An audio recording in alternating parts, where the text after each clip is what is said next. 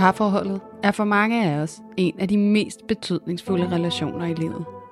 Men det er ikke altid nemt at få det til at fungere sådan, som vi ønsker det. Derfor er vi her, for at give dig alle de bedste værktøjer, vi kender, til at styrke dit parforhold og hjælpe dig til at opdage, at du ikke er alene med de udfordringer, som parforholdet kan byde på. Din værter er seksolog og antropolog Julie Hove, Og selvværdscoach Louise Lukov. og sammen tager vi filteret af parforholdet.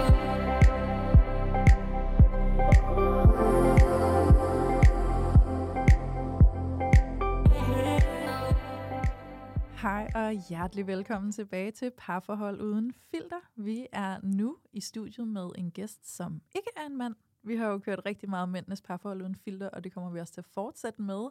Men øh, nu bliver det altså sådan lidt mere opdelt eller sporadisk, fordi i dag har vi en kvinde med i studiet, som jeg glæder mig til at præsentere jer for. Vi har nemlig Silje Nimhold i studiet, og vi skal i dag snakke lidt om hendes udviklingsproces fra og egentlig at stå i Paradise og begynde at danne relation til en person derinde, og ende hele programmet i et kæmpe tillidsbrud, og så egentlig komme hjem derfra og fortsætte en relation, hvor der så alligevel også sker nogle ting, som ender ud i et brud. Og, øh, og hvad sker der så egentlig med Sille derfra? Hvad er det for en proces, der starter? Og nu står hun også over for at gå ind i en retssag med den her person. Så der sker vildt mange ting, og vi synes, det er sindssygt spændende at komme ind og forstå hele processen, og alt, hvad der egentlig er sket inde i Sille i hele det her forløb, og al den udvikling, som hun har gennemgået, fordi det ved vi, at hun har. Øh, måske kender du Sille, måske har du set hende i Paradise, måske følger du hende på Instagram. Hun er i hvert fald lidt, øh, lidt rundt omkring derude på sociale medier og på tv.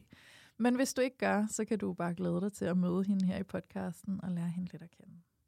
Men, øh, men inden vi starter den her samtale, så, øh, og inden jeg lige siger hej til dig, Julie, hvilket jeg gør lige om lidt, det lover jeg, så skal jeg bare lige opfordre alle jer kære lyttere til at hjælpe os. Fordi det er nemlig sådan, at der sker nogle forandringer i de her, øh, på de her podcast-platforme, og for vores podcast ligesom kan have det godt derinde, så har vi brug for, at I følger vores podcast. Så I må rigtig gerne, uanset om I lytter på Spotify, eller om I lytter på Podimo, eller på Apple Podcast, så må I gerne lige finde den her følg-knap, som enten sidder oppe i et hjørne, eller lige under titlen, øhm, og følge vores podcast, fordi så hjælper det altså også rigtig godt til, at vores podcast bedre kan overleve inde på de her platforme og blive synlig. Så det vil vi være sindssygt taknemmelige for, hvis I vil gøre. Mm. Åh, oh, Julie, Mm. nu er det tid til at sige hej til dig. Mm, hej til dig, Louise. og øh, bare lige for at være fræk, så vil jeg lige komme med en lille kommentar til det, du sagde. Ja, da. Og det er jo, at nu hvor I er i gang med at trykke følg, så må I jo lige så gerne give os en anmeldelse. Ja. Eller smide en thumbs up, øh, nogle stjerner, øh, sætte et par ord på, hvordan det er for jer at lytte med til os, fordi I skal vide, at det gør en kæmpe forskel for os, og, øh, og alt det hårde arbejde, vi lægger i, og Mm. lave den her podcast til jer, det vil vi jo gerne kunne blive ved med. Ja. Så øh, der kan du altså hjælpe os øh, fuldstændig kvitterfrit og gøre en kæmpe forskel. Så øh, kæmpe opfordring til at gøre det. Ja, godt, at du fik det med, Julie. Godt husket. Mm. Så, øh, så nu synes jeg, at vi skal sige hej til dig, Silje, Hej. og velkommen til. Tak. Det er dejligt at have dig her i studiet. Det er dejligt at være her. Ja. Vi glæder os enormt meget til den her samtale.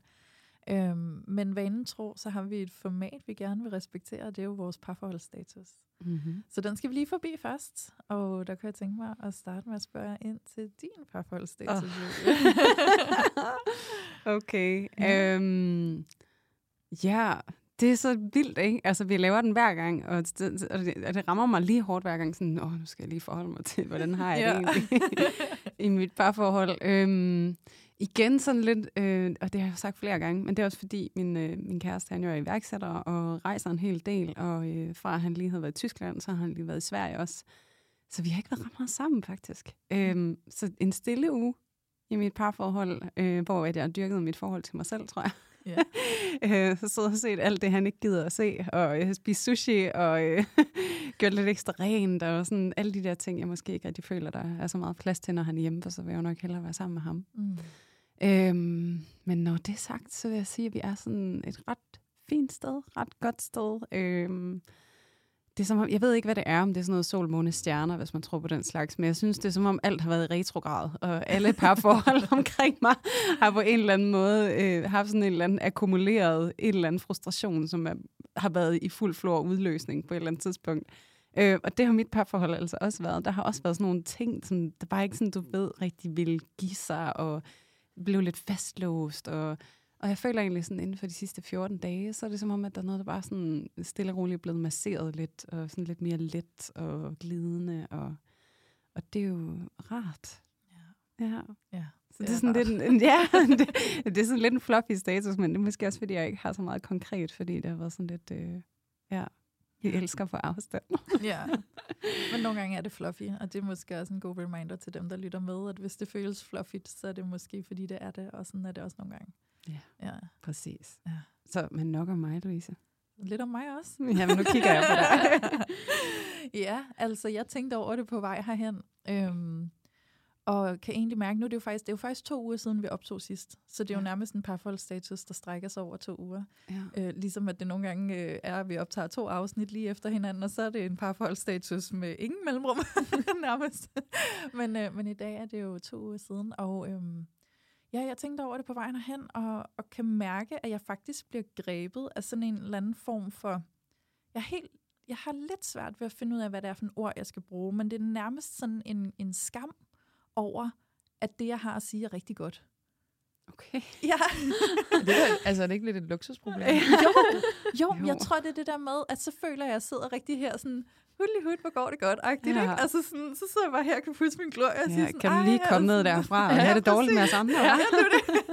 så, så jeg, jeg bliver grebet sådan en sådan, ej, nu skal jeg da også lige holde mig lidt tilbage, agtigt, ikke? Jeg kan da ikke bare sidde her og have det mega fedt. Jo, prøv lige at sidde her og have det mega godt, ja, og så kan vi andre sidde og så få det mega lækkert over ja. mærke, hvor godt du egentlig har Jamen, det. det er rigtigt, den energi kan jo smitte, så det skal Præcis. man jo give. Ja. ja.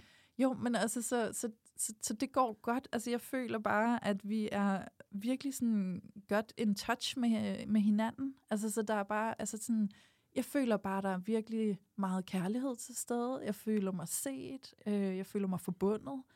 Øh, vi er begge to enormt optaget af hver vores virksomheder og projekter, der er i vores virksomheder, og sådan deler det med hinanden og støtter hinanden i det og sådan noget. Så jeg føler bare virkelig, at det har været sådan to uger med sådan virkelig god energi og dejlig kærlighed. Og sådan, jeg er sådan meget opfyldt og går i seng om aftenen. Han går tit i seng lidt før mig. Og når jeg sådan kommer ind, så bliver jeg bare sådan overvældet, fyldt med sådan en bølge af sådan kærlighed til ham, hvor jeg bare sådan ikke kan lade være med lige at ligge og nusse ham lidt i nakken, selvom han allerede sover. og bare være sådan, ej, hvor er jeg dog taknemmelig for det her menneske, og for at vi er sammen. Øhm, ja, så, så det der, jeg er, og sådan status for mig lige nu er de sidste to uger. Mm, yeah. Ja. Og tak for det. Det, det er da bare virkelig dejligt at høre. Ja, det er jeg glad for, men jeg, sådan, jeg sidder nærmest, og sådan, jeg kan mærke, at jeg har nærmest sådan helt en, en kropslig reaktion på sådan, uh, det var lidt nervepirrende. Ja, men det, ved du hvad, det er sådan en typisk traumereaktion. Ikke? Sådan, åh, når vi har det godt, så ved jeg lige om lidt, så kommer der til at ske noget ubehageligt. Ja, det stillhed bare storm. ja, ja, og det kender jeg godt, men det er ikke engang den, jeg har. Jeg tror mere, Nej. det er, fordi jeg er bange for, at jeg sidder og lyder heldig. Ja. Eller sådan, ikke? Ej, du skal da bare nyde det. Ja, ikke? jo. jo. Nyd det. Ja, og det gør jeg også til fulde. Ja. ja. Du, altså, det skal vi jo også lige skynde os at anerkende. Du arbejder jo faktisk også hårdt for yeah. at komme derhen, hvor det, sådan, det føles at være i dit parforhold. Der er virkelig blevet lagt arbejde i det. Oh, yes. Ja. ja. Så, så, så skal man velfortjent, ikke? Jo, jo, jo bestemt. Ja, absolut. Ja, så nu vil jeg kaste bolden over til dig, Sille, og høre, hvad din sådan, parforholdsstatus eller sådan kærlighedsstatus er. Ja, altså min status er lidt anderledes end jeres. Ja. ja. Øhm, fordi jeg er øh, single. Mm-hmm. Øhm, dater prøver at date. Ja. øhm, men jeg synes virkelig, det er et svært område. Mm. Øhm, også fordi det er sådan... Jeg tror, det der bliver svært for mig, det er, at jeg skal jo give noget af mig selv. Ikke? Ja. Men jeg skal også holde fast i mig selv. så det er sådan ja. en sindssygt svær balancegang og, øhm, og lige navigere i. Mm. Samtidig også med, at man skal vise hensyn til et andet menneske. Og sådan, ja, jeg synes, øh, jeg synes det er svært ja. at date. Det øhm, godt. også fordi jeg har faktisk aldrig rigtig datet sådan på den måde før. Wow. Øhm, så du har været i parforhold før, sådan generelt, eller hvordan har det så set ud? Ja, men inden jeg var med i Paradise der tilbage i, øh, i 21, øhm, der havde jeg en kæreste, som jeg mødte, øh, inden jeg startede i gym. Vi var sammen i seks år. Og dengang, der var jeg været 15, og der var man jo ikke ødelagt af noget, så der var man bare sådan, men du er sød, vi er kærester. Og så Ja. var man det i seks år, og vi gik fra hinanden helt pænt, og har stadig kontakt i dag, og jeg snapper med hans mor, og sådan noget. Stemningen er så god. Så vi datede jo ikke på den måde, fordi vi var så unge. Ja. Og, og så møder jeg jo så min eks David i Paradise. Så ham datede jeg jo heller ikke rigtigt, Nej. sådan som man, man gør i den virkelige verden. Nej. Så, så det er første gang, jeg sådan skal date. Super angstprovokerende. Ja. Ja, jeg skulle lige til at spørge, hvordan er det så? Forfærdeligt. og så svarede du selv, det er forfærdeligt. Okay, Ja, hvordan ville synes- det være bare lige sætte et par ord på, sådan, hvordan du oplever det er forfærdeligt? ja. Jamen, det jeg oplever, øh, som er forfærdeligt, det er jo også, fordi jeg har den historie, jeg har øh, med min sådan, seneste eks, at åh, sidst jeg gav mit hjerte til en, ikke, så endte jeg bare med at ligge på bunden og skulle arbejde mig selv helt op igen. Mm. Så det er den der balancegang i at turde kaste sig ud i en ny relation, og samtidig vide, sådan, hvis det går galt på en eller anden måde, så har jeg mig selv. Og det er den tillid, jeg ikke ved, om jeg har. Fordi mm. sidst jeg skulle have mig selv, der havde jeg det jo ikke. Præcis. Det er det. Hvor din Mm. erfaring, den fortæller dig, at det, der kommer til at ske, det er, at jeg kommer til sådan at give afkald på mig selv. Og hvis det går galt, så står jeg tilbage med ingenting. Ja, og så skal jeg starte forfra Ja. igen. Og det, var vir- det har virkelig været en hård proces for mig. Så øhm, den, den, den magter jeg sgu ikke igen. Ej, det kan altså i det omfang i hvert fald. Øhm, og det er også lidt sjovt for mig, at, at den relation har sat sig så meget i mig, fordi min relation med min eks in Paradise, han behandler mig som blom mit æg. Altså, jeg Mm. har intet dårligt at sige. Altså, hvis vi havde en diskussion, så var det fordi, at han havde glemt at købe chokolade, når jeg havde menstruation, eller sådan et eller andet. Ikke sådan nogle ligegyldige ting. Ja. Øhm, virkelig, virkelig en god mand, helt ud til fingerspidserne. Og det er som om, alt det, jeg lærte der, det er bare, det er bare blevet overskygget. Mm. Så, øhm, Mm. ja, så det er sådan lidt det, jeg går og dealer med nu. Ja. Så der er et eller andet, der sker i, altså sådan, du siger det her forhold, du havde, da du var helt ung i gymnasietiden, mm. som jo egentlig lyder enormt fredeligt og kærligt, og sådan meget afbalanceret på en eller anden måde, ikke? Altså, og, så, og så møder du David inde i Paradise, og så får du lige pludselig en relation, som har nogle helt andre karaktertræk, mm. hvor du møder nogle ting i dig selv, men der er et gap derimellem, der måske er lidt uklart i, sådan, hvordan kan jeg gå fra at have så afbalanceret et parforhold til et menneske, og så til at komme ind i et nyt, hvor at det lige pludselig er noget helt andet, og hvor der kommer nogle ting på spil, som jeg ikke rigtig kan forstå, hvor kommer fra. Mm. Øhm, hvorfor oplever jeg nu de her ting, Mm. når jeg ikke har oplevet det før? Ikke? Mm. Så der er ikke rigtig det der mønster, du kunne følge eller Mm-mm. se.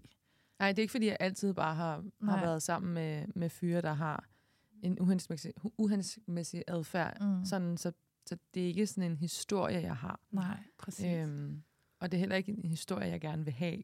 nej, altså, sådan, forståeligt. og jeg tror også, derfor jeg er så påpasselig med, hvem jeg bruger min tid på, og hvem jeg dater. Ja. Øhm, fordi at jeg vil jo gerne have mig en kæreste. Jeg vil have jo ikke lyst til at være alene, men det skal heller ikke bare være en, bare for at være en. Nej, det tænker jeg er rigtig fornuftigt. Ja. Ja. Men jeg kan også godt forstå, hvorfor at du er så påpasselig, som du mm. er. Øhm, særligt også, hvis at det, at du oplever at komme ind i en kærlighedsrelation med David, og at du oplever svigt og tillidsbrud og mm. alle de her Mm. ting, og det kommer sådan lidt, nu laver jeg gåsøjne, ud af det blå. Mm. Det der med sådan, jeg har ikke nogen historik med det her. Nu sker det lige pludselig, hvad der er sket med mig, siden at jeg sådan lige pludselig står i det her. Mm. Øhm, og så stå på den anden side og være måske sådan lidt i chok på en eller anden måde over ens oplevelse. Mm. Øhm, så kan jeg virkelig godt forstå, at der kommer sådan den der ekstra alertness på, Mm. mm. Hvad er det, jeg har overset, som jeg ikke skal risikere at overse igen med en ny person. Ikke? Jo. Øhm, og jeg tænker egentlig, om det ikke lige kunne være lidt interessant, at vi bare lige backtracker Mm. til Paradise. Og til, altså jeg synes, det er interessant at tage den derfra, hvor I faktisk står i afslutningen med de Mhm. her guldglaskugler, der skal smides eller ikke smides. Mm. Og øh, I to havde en aftale om, at I ville dele præmien, mm. og ikke smide den her glaskugle, og så Mhm. alligevel gøre David det. Mm. Øhm, og jeg kan huske, at du havde jo en, en voldsom reaktion, fordi du blev chokeret, overrasket, så du ud til at blive, Mm. og meget gal på ham. Ikke? Ja. Øhm, kan, du, kan du tage os med derfra? Sådan, hvad sker der inde i Sille på det tidspunkt? Øhm, jeg tror, at det, der sker inde i mig på det tidspunkt, det var, at Øhm, der er jo en masse ting, man ikke ser på tv. Ja. Øh, der er en masse ting, der bliver klippet ud. Øh, men der er en, en situation, hvor mig og David ligger ned på værelset, som ikke er vist på tv, hvor at han gør det, han gør bedst, og det er jo at spille spillet. Mm. Øhm, og det er, han, han fortæller mig, at han ikke kunne finde på at smide kuglen, og han vil gerne have, at jeg skulle møde hans familie, og jeg betød virkelig meget for ham, og alt det her. Øhm, og jeg tror, at på det her tidspunkt, så tror jeg, at mig og David har samme værdier. Fordi jeg har kunne aldrig finde på at bruge min familie i et spil, medmindre jeg faktisk mente det, jeg sagde. Øhm, så jeg stoler på ham og tænker, okay, men genial plan, vi deler pengene, vi finder ud af det, når vi kommer hjem, og møder hans familie, og alt ender lykkeligt. Mm. øhm, og så smider han kuglen, og jeg tror, for mit vedkommende, så tror jeg aldrig, jeg har oplevet et så stort svigt følelsesmæssigt. Fordi jeg, jeg holdt oprigtigt virkelig meget af ham. Og han havde sagt alle de rigtige ting, som fik mig til at føle, at han havde det på samme måde. Og det finder jeg jo så ud af i den situation, hvor alle står og kigger på landsdækkende tv, at han har det ikke på samme måde. Wow. Ja, så jeg bliver enormt vred, og jeg bliver enormt ked af det. Øhm, når jeg bliver ked af det, så kan det godt komme ud som vrede. Men, øh, men i den situation, der er, der er enormt ked af det. Jeg er enormt såret. Øhm, og vi kommer hjem, og han bruger en masse energi på at fortælle mig, at det var bare et spil, og det var altså ikke sådan, han var herhjemme. Og jeg har jo øh, både i Paradise, men også herhjemme set rigtig, rigtig mange gode sider af David. Og det er jo dem, jeg hægter mig fast i, og ikke de andre sider, som jeg måske ikke var sådan super fan af. Øhm, så jeg vælger jo at tro på ham igen. Mm. Øhm, og det er også det, det er en sådan lidt særpræget situation, ikke? Sådan, den er lidt svær at gå til veninderne med. Mm. Også fordi mine veninder på det værende tidspunkt vidste heller ikke, hvad der var sket i Paradise. Og det er jo ikke sådan en typisk situation, sådan man, som folk har oplevet før. Nej. Så jeg stod meget alene. Mm. Øhm, og vi har så det her forhold, men det kan ikke ændres, at jeg har mærket et enormt stort tillidsbrud følelsesmæssigt. Mm. Han havde lovet mig det ene, man gør noget andet, og der er nogle ting, der går igen i min historie, og det er, at jeg faktisk ikke er så god til at rumme folk, der siger det ene og gør noget andet. Mm. Og det er både i forhold til romantik, det er også veninder, det er også familie, fordi det gør mig usikker, fordi jeg ved ikke, hvor jeg har dem henne. Mm. Øhm, og det går jo så lidt igen i vores relation herhjemme. Og øhm, jeg tror på et tidspunkt, der bliver jeg så bevidst om, at jeg har mistet mig selv så meget, at hvis jeg bliver i det her, så altså, har jeg en følelse af, at så dør min sjæl. Mm. Mm. Altså, så, så, så, er der, så er der ikke nogen vej tilbage for mig. Ja. Øhm, og jeg tror, at grunden til, at også ender i den her situation, fordi det, det er nemt at give ham skylden for alt. Øhm, men inden jeg tager afsted til Paradise, der har jeg faktisk en mindre depression, og rejser faktisk afsted. Og jeg siger det også højt til min mor, og siger, at det her det er 100% en flugt fra virkeligheden. For jeg kan ikke holde den ud. Ja. Så må jeg deal med det, når jeg kommer hjem. Mm. Jeg havde så lige puttet lidt mere på tallerkenen, da jeg kom hjem. Det er så, hvad det er. Men, øhm, så jeg tror også, at grunden til, at mig og David ender der i vores relation, er fordi, at jeg er meget lidt påvirkelig, og jeg egentlig ikke rigtig ved, hvem jeg er, og hvad jeg skal holde fast i. Nej. Wow. Det er jo nemt at sige, at man skal holde fast i sig selv, men hvis ikke man ved, hvem en selv er, så er det Ja. sådan... Og hvordan man gør det. Ja, hvordan Ja. gør Ja. man lige det? Det er Ja. meget fluffy, ikke? Ja, Jo. præcis. Det er meget flyvsk, og så jeg vidste ikke lige, hvilken ende jeg skulle starte fra, og Nej. så gik jeg jo bare over i ham, fordi det var nemmere, og, Præcis. Og så tror jeg bare, at, at jeg, blev, jeg blev grebet af relationen, jeg blev grebet af, hvad han kunne, Mm. og på den måde blev jeg viklet ind i et spændvævl, jeg ikke rigtig vidste, jeg blev en del af. Nej, præcis. Og da jeg så blev bevidst om, at jeg var i det, der var jeg sådan, hvordan fuck kommer jeg ud af det her nu? Ja. Ja. Øhm, og så var der jo bare en aften, hvor jeg bare var sådan, vi havde haft en mindre diskussion, skænderi, hvor jeg bare kunne mærke sådan, det her, det, det, det kan jeg ikke. Altså, jeg kan ikke. Nej. det er fysisk umuligt for mig at blive i den her relation, for så, så, så, så dør jeg. Altså fordi der var for mange ting, som du ikke havde tillid til? Eller Der var hvad? alt for mange ting, jeg ikke havde tillid til. Jeg fandt hele tiden ud af små løgne om også bare sådan ligegyldige ting, hvor jeg sådan, Mm. hvor, hvorfor det? Ja. Altså Ja. sådan, Men det triggede det sted i dig, som vægter integritet rigtig Ja, højt. At helt du vildt. gør det, du siger, du gør. ja. Så det er jo de der mange små, mm. hvad kan man sige, sten, du samler, og så bliver Ja. det en meget tung kurv til sidst. Det ikke? blev en meget tung kurv, og til sidst så kunne jeg bare ikke bære den kurv mere. Nej, Altså, det, det forståeligt. kunne jeg bare ikke holde til. Øhm, og så øh, var jeg simpelthen nødt til at gå. Forståeligt. Wow, og jeg bliver, det er meget rørende også at Mm. mm. høre din historie, Sille. Øhm, og det giver meget god mening, Mm. mm. det du fortæller. Også bare, jeg kan mærke noget af det, jeg lægger mærke til, det er det, du siger også, at jeg havde faktisk en lille depression, da jeg tog Mm. hjemmefra. Og så er du der på en virkelighedsflugt, Mm. og hvor at alt kunne jeg forestille mig er spændende og fantastisk og højt gear, Mm. mm. og som er meget kontrast Mm. til det der grå, du er rejst væk fra. Ja. Og der står David bare. Og han siger bare alt det, som noget ind i dig længtes efter at høre. Ja. Ikke? Mm. Altså virkelig, virkelig. Han på en eller anden måde kommer lige der og giver dig det, Ja, du bare. han var som sendt fra himlen. Præcis, Ja. det det.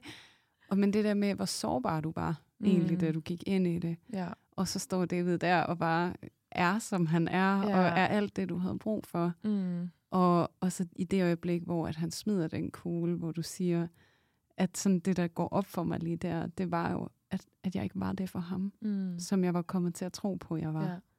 Og så lige der blev jeg så lykkelig. Mm. Mm. Og det, jeg kommer til at gøre lige der, det er, at jeg bliver rigtig vred Ja. udad til, ikke? Mm. Men egentlig, hvor, hvor sårbart det er Mm. at stå der og indse, "Men jeg er ikke det for dig, som du er for mig. Ja. Som er så svært at stå og vise på tv i den setting. ja, også fordi det er jo en følelse, der også er svær at være i, også bare i, altså i den virkelige mm. verden. Ja. Og nu er der Øhm, publikum på. Og nu er der bare rigtig meget publikum på, ja. ikke? Så det, det, det var... Øh, jeg har været mange ting igennem mit liv, men, men den periode i mit liv er klart det hårdeste, jeg nogensinde har været igennem. ja. Wow. Ja. Det kan jeg levende forestille mig.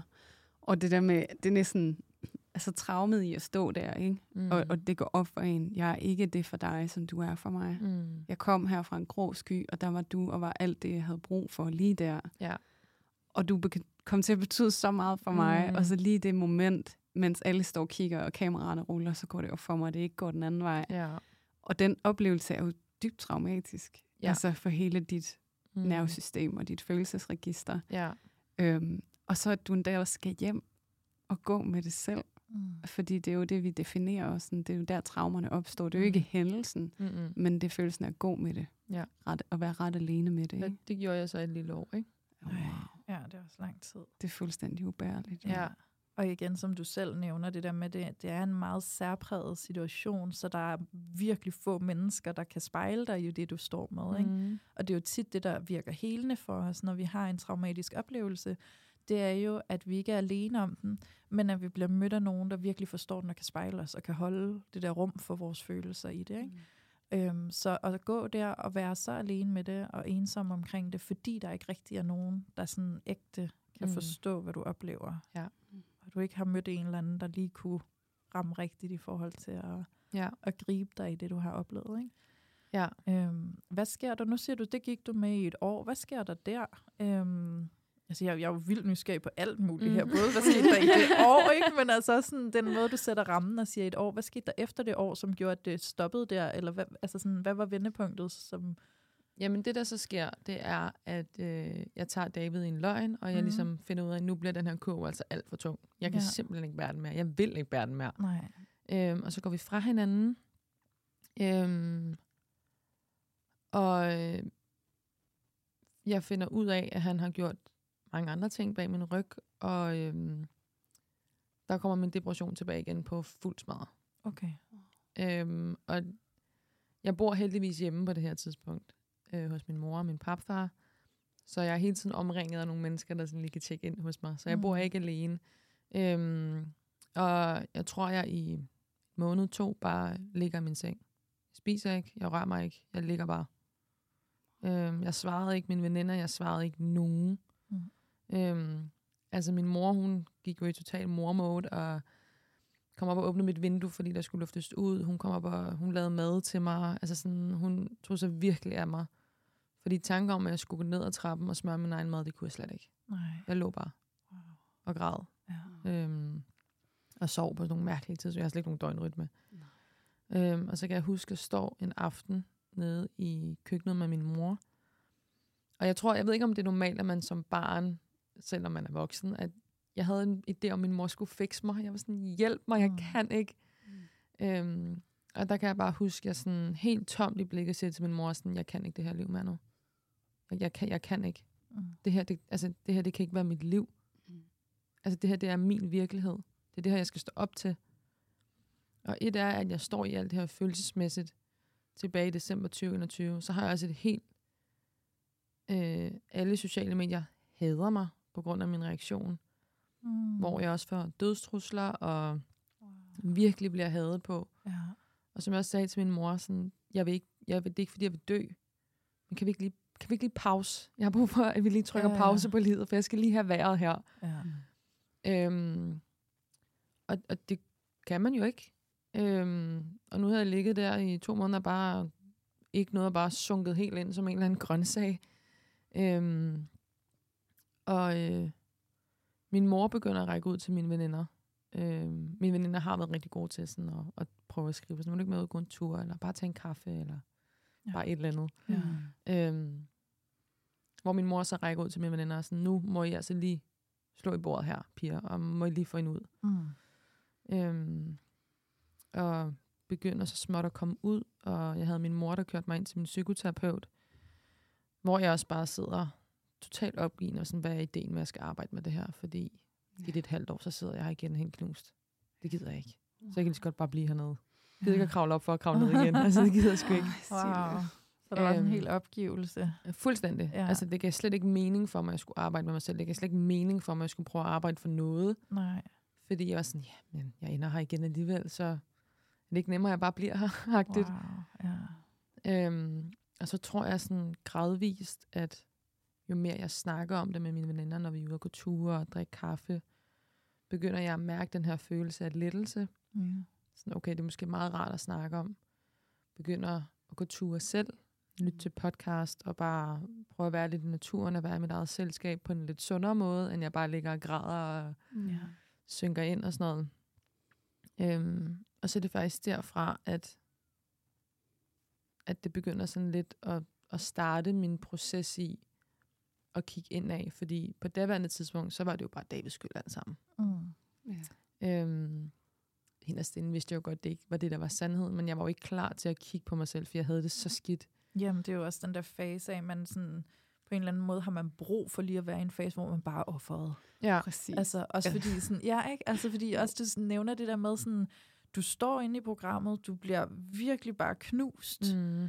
øhm, kommer hjem dybt ulykkelig, kommer helt ned i kuldkælderen, og samtidig med det, så møder du så meget had fra omverdenen. Mm. Altså sådan ikke nok med, at jeg er helt mutters alene i alle de her følelser, og jeg er sindssygt sårbar, virkelig ked af det hele nede. Og så bliver jeg også hadet på. Ja. Altså sådan, Ej, jeg havde brug for det modsatte. Jeg har brug for Ja. nogen, der sådan virkelig kommer griber mig lidt kærlighed. Ja. Ja, spark Ja. til nogen, der ligger ned. Ja. Og også fordi det der med, at de jo netop kun set en brøkdel Ja, i tv. Mm. Ikke? Ja, det er så sådan, at- unuanceret. det der med ikke at forstå den fulde kontekst, Ja. som er enormt vigtig, Mm. for at vi det. kan forstå det, vi ser. Ja. Altså sådan også hele din historie. Ikke? Jo, helt sikkert. Øhm, og så kan man jo altid tale om altså sådan, måden, du reagerede på. Mm. Mm. Er det hensigtsmæssigt? Måske ikke. Nej. Men hvor giver det god mening, at det skete? Ja. Hvor er Ja. det forståeligt, ja. at det skete? Ja.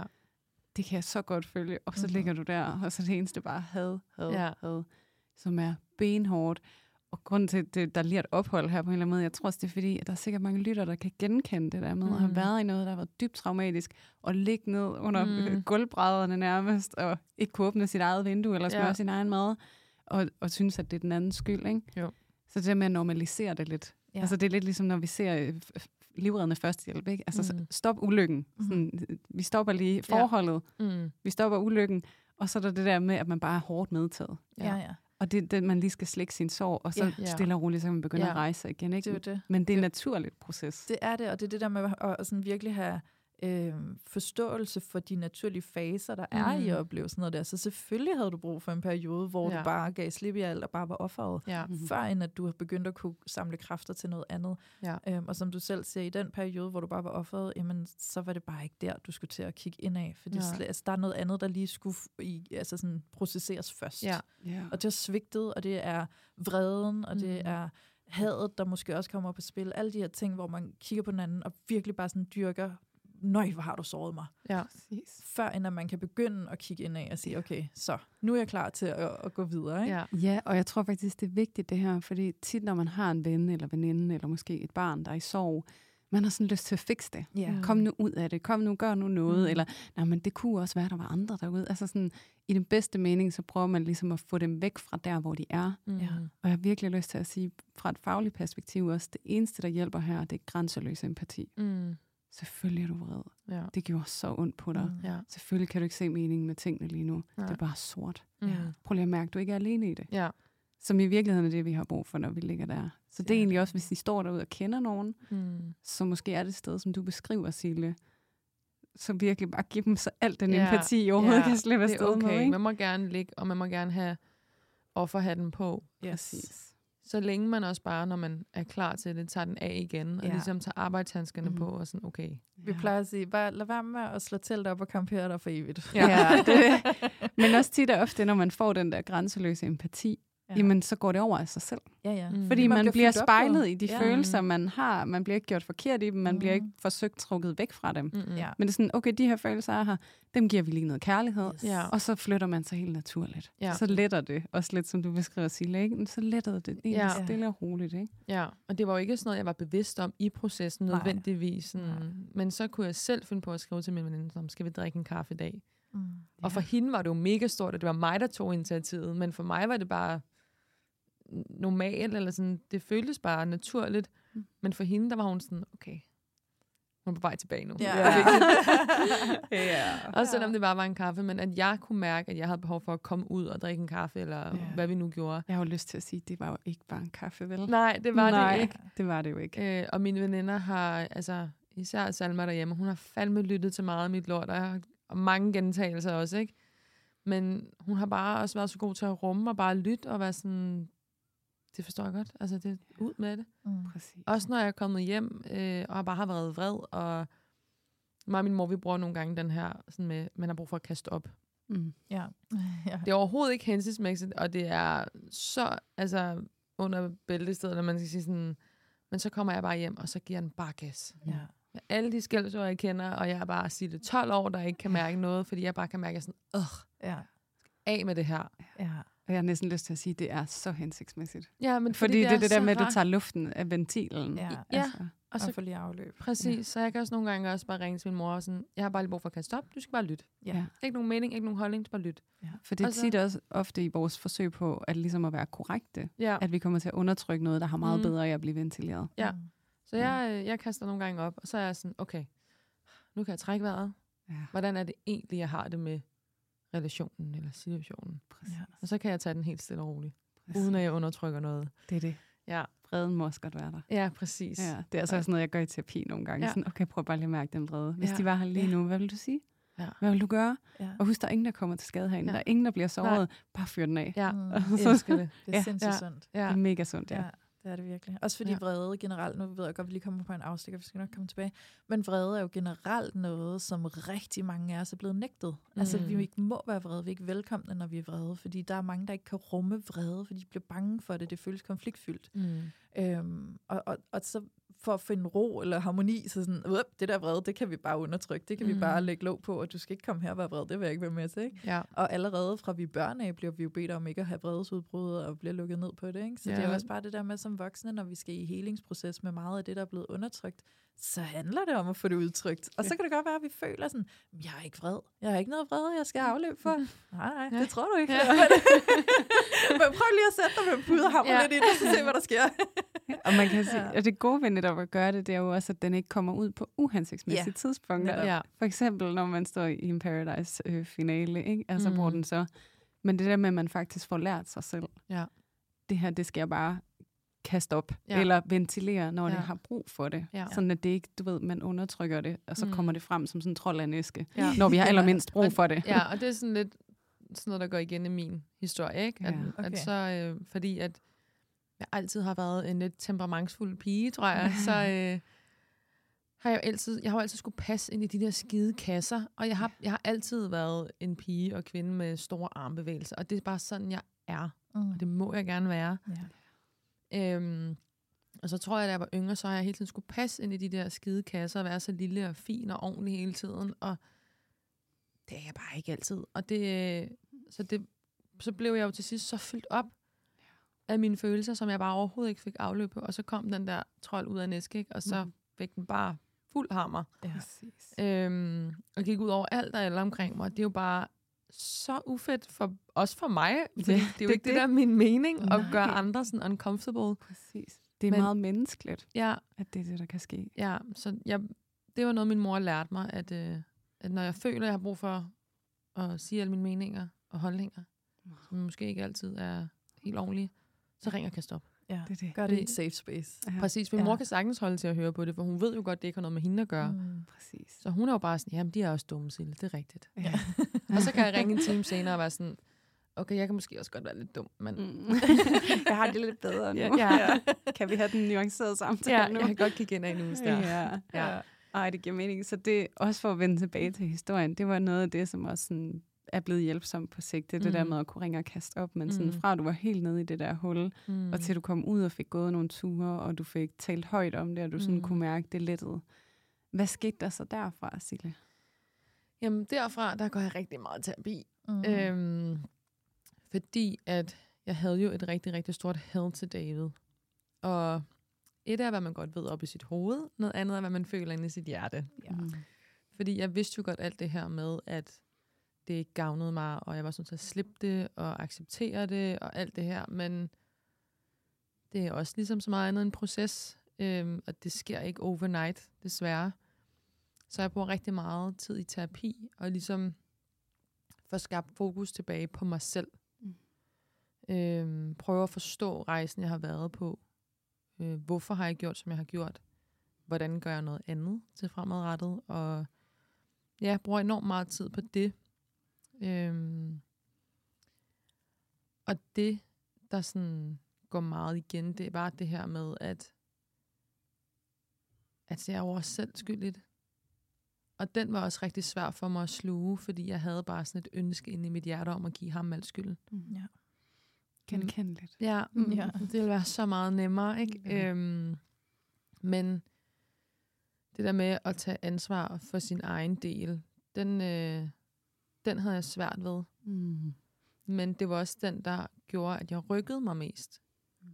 Fordi at jeg nu står i dag og har meget fokus på, at jeg har det eneste, jeg kan have en indflydelse eller en kontrol over, det er mig.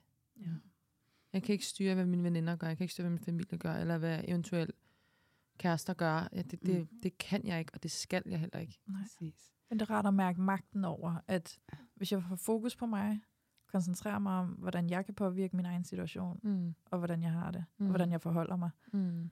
øhm, så har jeg en styring. Mm. Og det er rigtig rart, kontra at stå med magtesløsheden og kontroltabet i, at man ikke kan styre andre. Mm. Ja. Præcis. Ja. Ja, fordi det jo også var chokket, ikke? Altså fra Mm. at have haft en relation som ung, hvor at der Mm. var ikke noget, for der var I måske sådan ret ens langt hen ad Mm. vejen, Ja. til så at møde en anden type mand. Ja. Og så at det kommer sådan bag på dig, sådan, Mm. mm. gud, jeg blev bare slået fuldstændig i jorden her. Ja. Ja. Og så fra at hade ham, Mm. som er så forståeligt sted mm. at være i den her proces, at Ja. ja. man bare har lyst til at lade alt sin vrede over på mm. Den anden, til at begynde at skabe sammenhæng og mening Mm. i det, der skete. Ja. Og få øje på, hvad var mit bidrag mm. til, at jeg endte her? Mm. Fordi det er mit bidrag, Mm. som jeg kan gøre noget ved. Jamen, det er det. Ja. Og hvad var det, du opdagede der, Sille? Hvad var dit bidrag til, at, at du var nået dertil? Jeg tror, at altså jeg tror, der er flere ting i det, men jeg var et meget sårbart sted følelsesmæssigt. Jeg var et sted, hvor jeg havde brug for kærlighed og anerkendelse og bekræftelse. Og jeg var villig til at betale enhver pris. Mm. Og lige i det her tilfælde, der var prisen mig. Ja. Øhm, er fordi, vi bliver villige til at indgå mange store små kompromiser Ja, for at bevare adgangen til kærligheden og anerkendelsen. præcis. Ja. Øhm, så når jeg fik lidt bekræftelse og anerkendelse, så betalte jeg jo bare ved kasse 1, mm. fordi lidt var bedre end ingenting. ja. Og øhm, det tror jeg, at jeg er blevet meget bevidst om. Et af, jeg har været rigtig, rigtig langt nede. Men når jeg står her, hvor jeg står i dag, så er jeg jo dybt taknemmelig for det, fordi jeg har aldrig stået stærkere. Mhm. Jeg har stadig ting, jeg dealer med. Det tror jeg aldrig, man slipper for. Mm-hmm. Men jeg har aldrig stået stærkere. Mhm. Og jeg er meget bevidst om, at det her er et kompromis, jeg også godt kan gå med til, og samtidig have mig selv med. Eller betaler jeg med, mit, altså med mig selv ved kasse 1? Præcis. Fordi det gør jeg ikke igen. Mm. Nej. Og det giver så god Mm. mening, at fordi du har gennemgået hele den her proces, du har skabt Mm. mening, sammenhæng, du har fået øje på, hvad var mit bidrag, Mm. det er det, jeg kan stille noget op med. At så lige her, hvor du står nu, har du et helt andet overblik, og et helt andet forudsætning også for at gå ind i en relation. Og samtidig har jeg også lyst til at sige, at med næsten 100% garanti, når du går ind i en relation, så vil det blive reaktiveret. Mm. Mm. Og så er det der, hvor du skal bruge alt det, du har lært. Øhm, også bare fordi det der med, at nogle gange, så kan vi også tro, at vi kan udvikle os væk fra det, vi er bange for at mærke. Altså sådan, at vores selvudvikling bliver en undgåelsesstrategi. Ja. Så jeg aldrig skal mærke det igen, i stedet for at berolige os selv med at sige, Mm. Jeg har så mange erfaringer med mig selv nu, Mm. og jeg er så tæt på mig selv, Ja. at det her stormvær, jeg kan risikere at stå i, det kan jeg godt klare. Ja. Og jeg kan stå i det på en anden måde nu, Ja. end jeg kunne dengang. Og hvor man kigger på sit fortidsjeg, Sille, der skulle lige til at stå til Paradise Hotel, som havde en lille depression, og lige kigge hende i øjnene og så sige, jeg er ikke dig længere. Mm. Mm. Ja. Så jeg står bare på noget helt andet nu. Ja. Så når det, når det der stormvær kommer, har jeg næsten lyst til at sige, ja. så har jeg meget bedre fodfæste. Og det Ja. er forskellen. Ja, fordi det er jo det, jeg mærker i dag jo. Mm. Fordi nu er jeg jo øh, ude på den anden side og øh, dater. Sådan semi-aktivt. Det er ikke, fordi jeg bare dater den første og den bedste, men hvis jeg synes, der er en fyr, der er sød, så vil jeg gerne se ham. Ja. Øhm, og der kan jeg godt mærke, at der bliver nogle ting aktiveret, og der går nogle ting igen helt tilbage fra, da jeg var barn. Netop det her med, at som barn følte jeg mig enormt meget til besvær for mine forældre. Øhm, og det mærkede jeg ikke i mit første parforhold, fordi det var ikke noget, han aktiverede i mig. Jeg måtte godt være til besvær. Jeg måtte godt kontakte ham hele tiden, og ringe og skrive, og bede om hjælp og alt det her. Indtil jeg så møder David, hvor det her det så bliver aktiveret af, at jeg føler mig til besvær igen. Mm. Og det er jo det, der så er min sidste sådan dating-erfaring, så det er den, der sidder i mig. Mm. Og den kan jeg godt mærke, at jeg tager med ind i nye relationer. Det her med sådan, tør jeg ikke rigtig have en mening, og sådan, tør jeg ikke sige, hvad jeg har behov for. Hvis jeg har behov for mere kontakt, eller jeg har behov for at ses, så siger jeg det ikke. Mm. Nej. Så er jeg sådan, "Nå, men så må jeg jo bare vente på, at han har et behov, og Ja. så må jeg bare smide, hvad jeg har i hænderne, der er agtigt. Ja. Og det er jo også mega usundt, fordi så mister jeg mig selv igen jo. ja, det er jo det. Det har måske bare lidt nogle andre nuancer, ikke? Altså, Jo. Så det der også, som, altså, mega fedt, at du ser det. Mm. Fordi det er jo det der, der kan være noget af det sværeste i verden, det er virkelig at se os selv, når at et mønster går igen, men det har taget en anden form, Mm. eller det har nogle andre farver, nogle andre nuancer, og så stadig skulle få øje på, at det er det, der foregår. Mm. Øhm, og jeg synes, det er vildt spændende at lytte til, også fordi jeg kan ikke lade være med at tænke på, du nævner det her fra din barndom, hvor du kunne føle dig meget til besvær. Øhm, jeg forstår det næsten som om, at du kunne opleve det som om, at du var en belastning for dine forældre, eller en af dem måske. Ja. Ikke? Øhm, og, og denne her, hvad det gør ved os at føle sådan, fordi når vi føler os som en belastning, eller føler os enormt til besvær, så føler vi måske også, at vi er i vejen. Mm. Og i det øh, element, der kan vi jo stå med den her længsel efter at blive rummet. Altså at blive, altså få den her oplevelse af at være elsket og Mm. ønsket for dem, vi er med alt, hvad vi er. Ja. Det er det, jeg ligesom betegner for at blive rummet. Og det Ja. bliver vi jo ikke, hvis vi står med oplevelsen af, at vi er i vejen og til besvær. Mm. Øhm, så, så jeg kan ikke lade være med at kæde det sammen med netop det der med, hvor du mærker i dig selv, at du kommer til at lave den her exchange, hvor sådan, hvis du bare giver mig lidt bekræftelse, så vil jeg gerne ofre rigtig meget af mig. Mm. Øh, til grænserne til at give helt slip på mig selv. Mm. Øhm, selvom jeg ved, hvor meget det koster mig. Ikke? Fordi det er den der dybe, dybe længsel efter bare at mærke, at der er plads til mig. Ja. Og at jeg er rummet. Og lige pludselig så tager det sådan en, en, jeg har lyst til at sige, en grim form, Ja. hvor vi bliver så selvopoffrende Mm. Bare for det element af at få snærten af, at vi ikke er til besvær. Ja, og, og det er også, altså det går meget igen i min historie, sådan, også i min skolegang, at, jeg, at folk ikke har kunne rumme mig, fordi Ja. jeg bare altid har været en pige med store armbevægelser. Ja. Øhm, og det er jo heller ikke fair, at hvis jeg skal prøve også at se det fra fyrens synspunkt af, sådan at så går jeg enormt meget på kompromis i starten, så bliver jeg måske tryg i relationen, og så switcher jeg og sådan, åh, oh, jeg har egentlig også behov for det, det, det, det, det, det. Mm. Og så kan han sidde der og være sådan, det er ikke rigtigt det, jeg har skrevet under på Nej. her. Sådan, Nej, hvem er du? ja, Ja. Og hvad har du gjort af Sille? ja, præcis. Ja. Han skal jo også have muligheden for at være sådan, okay, hvad er den her pakke? Hvad går den ud på? Er det noget, jeg vil være en del af, eller er det ikke? Det er det. Ligesåvel som jeg vil jo også gerne vide, hvilken pakke jeg ligesom signer mig op til her. Ja. Øhm, Ja. så jeg vil jo også forvente, at han var sådan, det, det vil jeg godt, det, det vil jeg ikke. Ja. ja. Jeg kan jo ikke sidde på den anden side og være sådan, jamen jeg vil gerne have, at du læser mine tanker. Nej, det, men hvor kan jeg godt lide, Sille, at du også lige tager den der sløjfe med, og så sige, at det så sådan her ud, og så kunne det så se sådan her ud fra hans synspunkt. Mm-hmm. Altså sådan, at lige pludselig så kunne der dukke en hel masse krav op, usynlige krav, som han ikke lige pludselig kunne honorere, og hvordan ja. det også kan være smertefuldt at sidde over for et menneske, som bliver selvudslættende. Mm. Altså Ja. det her med, hvis man er et menneske, der vokser op nemlig med en besked om, jamen vi har ikke plads til dig, vi kan Mm. ikke rumme dig, du er Mm. til besvær, Mm. du, du, du sætter alt muligt negativt i gang ind mm. i mig. Og, og det, det ligesom kan udvikle i vores adfærd, det er sådan en frygt for afvisning. Mm. Og hvis ikke vi ytrer behov mm. og sætter grænser, så kan vi heller ikke blive afvist i det. Nej. og så bliver vi meget mere omgængelige, end vi i virkeligheden er. Ja. Og det er det der, så kan man sige, hvad sker der, hvis man bliver grænseoverskredet, og ens behov Mm. ikke bliver imødekommet sådan Mm. helt systematisk? Mm. Jamen, det vækker nogle svære følelser. Hvad sker Mm. der med dem? Jamen, de bliver sådan nogle indadvendte. Og det er der, Mm. hvor man tit og ofte kan se mennesker gå hen og blive meget bitre. Mm. Så er man sådan meget bittert menneske, mm. og så Mm. kommer det sådan ud igennem sidebenene, ja. Og sådan, og bliver, bliver man lidt passiv og aggressiv. Ja. Og i virkeligheden, så er det jo fordi, man har overladt ansvaret for ens behov og grænser til dem, Mm. man er sammen med. ja. Og de har jo virkelig ikke en jordisk chance Overhovedet ikke. for at læse vores tanker. Mm. Og, sådan, og det er jo derfor, det er så vigtigt, nemlig at vi får øje på de her mønstre. Ja. Så det er jo virkelig skønt også at høre, at det har du. Ja, jeg prøver øh, ihærdigt. Nu var jeg inde hos min psykoterapeut i går, og hun har givet mig nogle redskaber, så jeg prøver virkelig øve mig. Ja. Jeg Men synes, jeg det synes, det er vildt svært. spændende faktisk. Nu nævner du, at du lige har været hos din psykoterapeut i går og fået nogle redskaber, og jeg Mhm. mm. kan ikke lade være med andet end lige nu at sidde og tænke, der er så mange lyttere derude lige nu, Mm. der 100% genkender rigtig meget af det, du nævner, fordi Mm. det er sådan en rigtig fin klassiker, Ja. som jeg tror, at rigtig mange Det er et meget kender. vestligt problem. Yes. En eller anden årsag. ja. Øhm, så nogle af de værktøjer, øh, redskaber, du fik med dig i går hos din psykoterapeut, som. Mm. du nu vil prøve at implementere og arbejde med, Mm. kunne du nævne nogle af dem? Og sådan, fordi det kunne være en kæmpe gave for lytterne, der sidder og Mm. identificerer med meget af Ja. det, du fortæller. Jeg tror, det vi snakkede meget om i går, øh, og det vi snakker, snakker generelt meget om, det er det her med, at den der lille pige, Mm. man Ja. har inde i. Ja. Og det er jo den lille pige, der føler sig til besvær. Det er den følelse, hun har. Mm. Og den formår jo ligesom at overtage min voksne krop og mit voksne sind. Øhm, så det vi snakker om i går, det var det der med, at, at jeg som den voksne kvinde, jeg er på 26, skal ligesom tage min lille pige hånd og sige, det er okay, du føler sådan her. Det må du gerne. Mm. Mm. Men jeg styrer det her. Altså sådan, jeg har dig, Mm. men jeg som voksen kvinde har brug for at få svar på mine behov. Jeg har brug for at sige dem højt.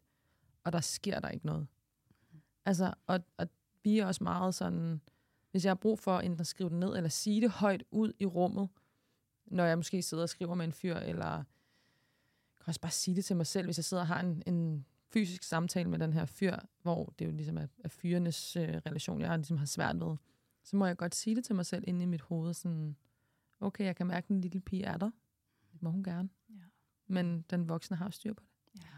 Sådan, fordi det er jo det, at jeg har følt som barn, og det er det, min lille pige føler, at der ikke er nogen voksen, at hun står alene med det. Men det Ja. gør hun ikke, fordi jeg har hende. Det det. Og hun står alene med det, og hun må ikke sige noget, Ja, fordi så bliver hun afvist. ja og så præcis. står hun bare der igen. igen helt alene. Ja. Men, men det kan godt være, at der ikke er nogen andre, der har haft hende, hun var barn. Ja. Men nu er jeg voksen, Mm. Det. og jeg skal nok have hende. Ja. I got your back. Ja, præcis. Ja. Øh, og jeg som den voksne kvinde må godt sige mine behov. Og så får man svar på, om det er noget, han eller hun, alt afhængig af hvilken relation man står i, vil være en del af det, ja. eller ikke vil.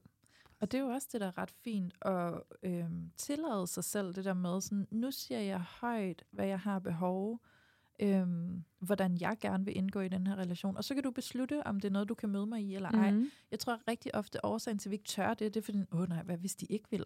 Ja. Hvad hvis de ikke vil gå med på de præmisser, ikke? Mm. Så mister jeg dem jo. Ja. Ja, ja, men så er det også meningen, du skal miste dem. Ja. Fordi så er det ikke det rigtige sted for dig at Ja. være, hvis ikke, at der ligesom er et, et match og en alignment Mm. lige der i, hvordan I forholder jer til at være i relation sammen. Så det er det der med at finde det der lidt ømme sted inde i os selv, hvor vi skal være villige og accepterende over for at miste Ja. personen, Mm. hvis ikke, at vi kan være der Ja. med vores fulde eksistens. Ja.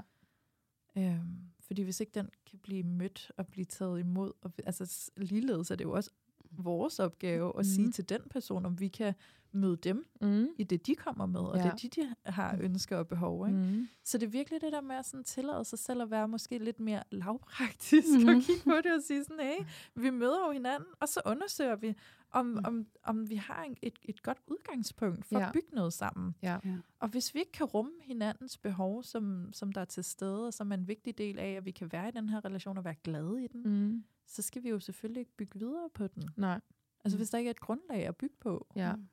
Og så vil jeg lige komme med den tilføjelse, det er jo noget, vi har talt om flere gange, det er også, at fordi vi har et behov, så er det ikke den andens job at imødekomme det. Nej. Det er vigtigt, ja. Så det vi, Ja, det det, vi leder efter her, det er jo i virkeligheden en eller anden for, form for korrespondence, Ja. hvor at behovet det kan blive ytret Ja. Mm. og rummet, og også at der kan få lov til at være en ærgelse til stede, Mm. øh, så fremt at det kan blive imødekommet. Fordi Ja. det kan det ikke. Det har vi ingen garanti for os at sige, ja. jeg har brug for det her. Wow, jeg hører dig. Det kan jeg virkelig godt forstå. Mm. Det kan jeg ikke imødekomme. Ja. Det kan jeg mærke, det kommer helt ked af. Jeg skal lige fordøje det og lige finde mm. ud af, Mm. hvad jeg skal stille op med det. Ja. Ja. Det er i orden. Selvfølgelig skal du det. Sige til, når du er klar til at vende tilbage. Ikke? Mm. Så har vi Jo. noget fleksibilitet. ja. Fordi det er det, vi gerne vil have. Vi vil ikke have rigiditet, vi vil have fleksibilitet. Præcis. Og det er forskellen. Og jeg sidder her og bliver helt ivrig. Ja.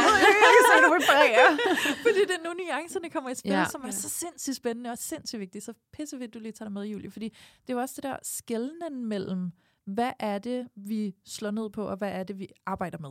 Mm. Fordi ja, det der med, sådan, det er jo ikke den andens opgave at opfylde alle vores behov, fordi så er det igen, vi tager den der passive indstilling og bare Mm. siger sådan, "Nå, men så står jeg her, og så kan du ligesom sørge for det hele. Ikke? Og det er jo ikke det, der er meningen med det. Men så jeg tror, det er det der skæld mellem at kigge på, hvad er det for nogle behov, som går hen og bliver de her kerneværdier, Mm. mm. som er vigtige, vi kan mødes i, for at vi kan bygge relation. Og så hvad er det for nogle behov, som er de her lidt mere sådan øh, eget ansvarsbehov, som mm. jeg Mm. kan ytre, og så kan du møde mig i dem, hvis du kan, eller så kan du ikke møde mig i dem, men du kan møde mig i, at du ikke kan møde mig i dem. Ja. Altså, vi kan finde et rum for, at det lige Ja. var lidt svært, Ja. men det er okay. Du er ikke i gang med at prøve at gøre mig forkert for at have dem. Nej. Øhm, så det er også det er sindssygt spændende, det her, fordi det bliver så... Øhm, Men det er også en svær balancegang, føler jeg. Fordi ja. det er sådan den der, for mig i hvert fald, sådan, det er helt fair, at der er nogle behov, du ikke kan møde mig i. Men hvor mange behov er det, hvis man skal sætte det sådan lidt Mhm. praktisk op? Kommer jeg til at deal med mange af mine behov alene? Mm-hmm. Er der sådan en idé i, at vi er sammen? Altså sådan, du ved, så det, det er svært. Men det er jo en endnu bedre målestok, det der, Sille. Det synes jeg er jo en rigtig fed måde at vinkle det på. Mm. Fordi sådan, okay, jamen, er det samtlige af mine behov, Ja, som er problematiske for dig at være med? Mm. Og er der en fastlåsthed i dig, mm. når jeg Mm. præsenterer dig for dem? mm. Men så er vi måske ikke verdens bedste match. Jamen, det er jo det. For der kan der også være en fleksibilitet at sige, åh, ja, det kan jeg mærke, det har jeg svært ved, det kan jeg ikke imødekomme lige nu, men jeg kunne være villig til at undersøge, Ja. om det var noget, jeg kunne blive i stand til. Mm. Ja. Og så kunne du have en fleksibilitet og sige, ved du hvad, det, det, det er jeg glad for, at du Ja. ja. siger. Øhm, lad mig vide, hvad vi kan gøre for at, at undersøge det. Jeg vil gerne Ja. ja. hjælpe dig med det, ikke? Ja, så det er måske i virkeligheden sådan attituden eller indstillingen, man Mm. har Ja. over for, når man hører den andens behov, Ja. ja. som er vigtig at, at sådan måle på. Ikke? Og som jeg også føler skal være ret normalt i processen i at lære hinanden at kende, sådan, Mm. hvor stammer det her behov fra? Mm. Mm. Øh, er det noget med din forhistorie? Er der noget, jeg kan gøre for at hjælpe dig med det her? Mm. Måske er der, måske kan jeg ikke hjælpe. Øh, Nej. det er jo, er jo forskelligt. Øhm, og så er der altså også lige den øh, sidste vinkel, det er at, øh, at finde fyre, der har den selvindsigt i dag. Ikke? Mm. Det er altså ikke helt nemt. Øhm, De vokser med opgaven, føler jeg. Altså, Gør jeg det det? føler, at jeg, jeg, jeg synes, jeg ser, at særligt sådan den, den yngre generation, Ja. De, de, de har bare sådan en anden kontakt til det. Det er som om, der ikke er lige så meget udskamning mm-hmm. i, mm. i deres gruppe, eller hvad man siger, ikke? Mm. Aldersgruppe. Altså sådan, fordi mm. Mm. mange, altså at vi har jo haft afsnit om det her, mm. med mænd. Ja. Og, og mænd, der føler, at det er skamfuldt at være mm. følsomme, og skamfuldt at være i kontakt med deres følelser, og skal mande sig op, og bum, bum, bum, og være kold og hård og alt det her. Ikke? Mm. Det er de vokset op med, de er blevet opdraget mm. til at være mand på den der måde, mm. hvor man ikke er i kontakt med sig selv. Så no wonder, at de ikke har den selvindsigt. Hvor skulle mm. de have fået den fra? De er ikke blevet mm. støttet i at have den. De er jo reelt set ofre for ikke at have den. Mm. Øhm, men jeg synes, jeg ser, at der sker forandring, mm. og at mm. sådan, de yngre generationer, de begynder at have sådan mere adgang til det, og mindre skam omkring det. Ja. Jamen, jeg, jeg har lidt samme observation, og så vil jeg også medgive, at øh, ja, det er svært. Ja, det er svært.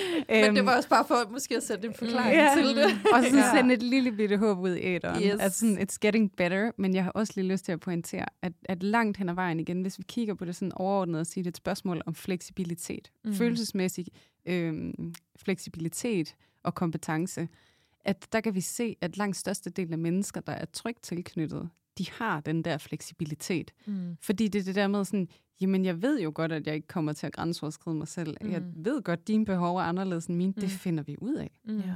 Altså sådan, ja. Og det er jo egentlig bare det, vi har brug for, der skal være til stede. Øhm, så en tryg tilknytning er egentlig ret essentiel.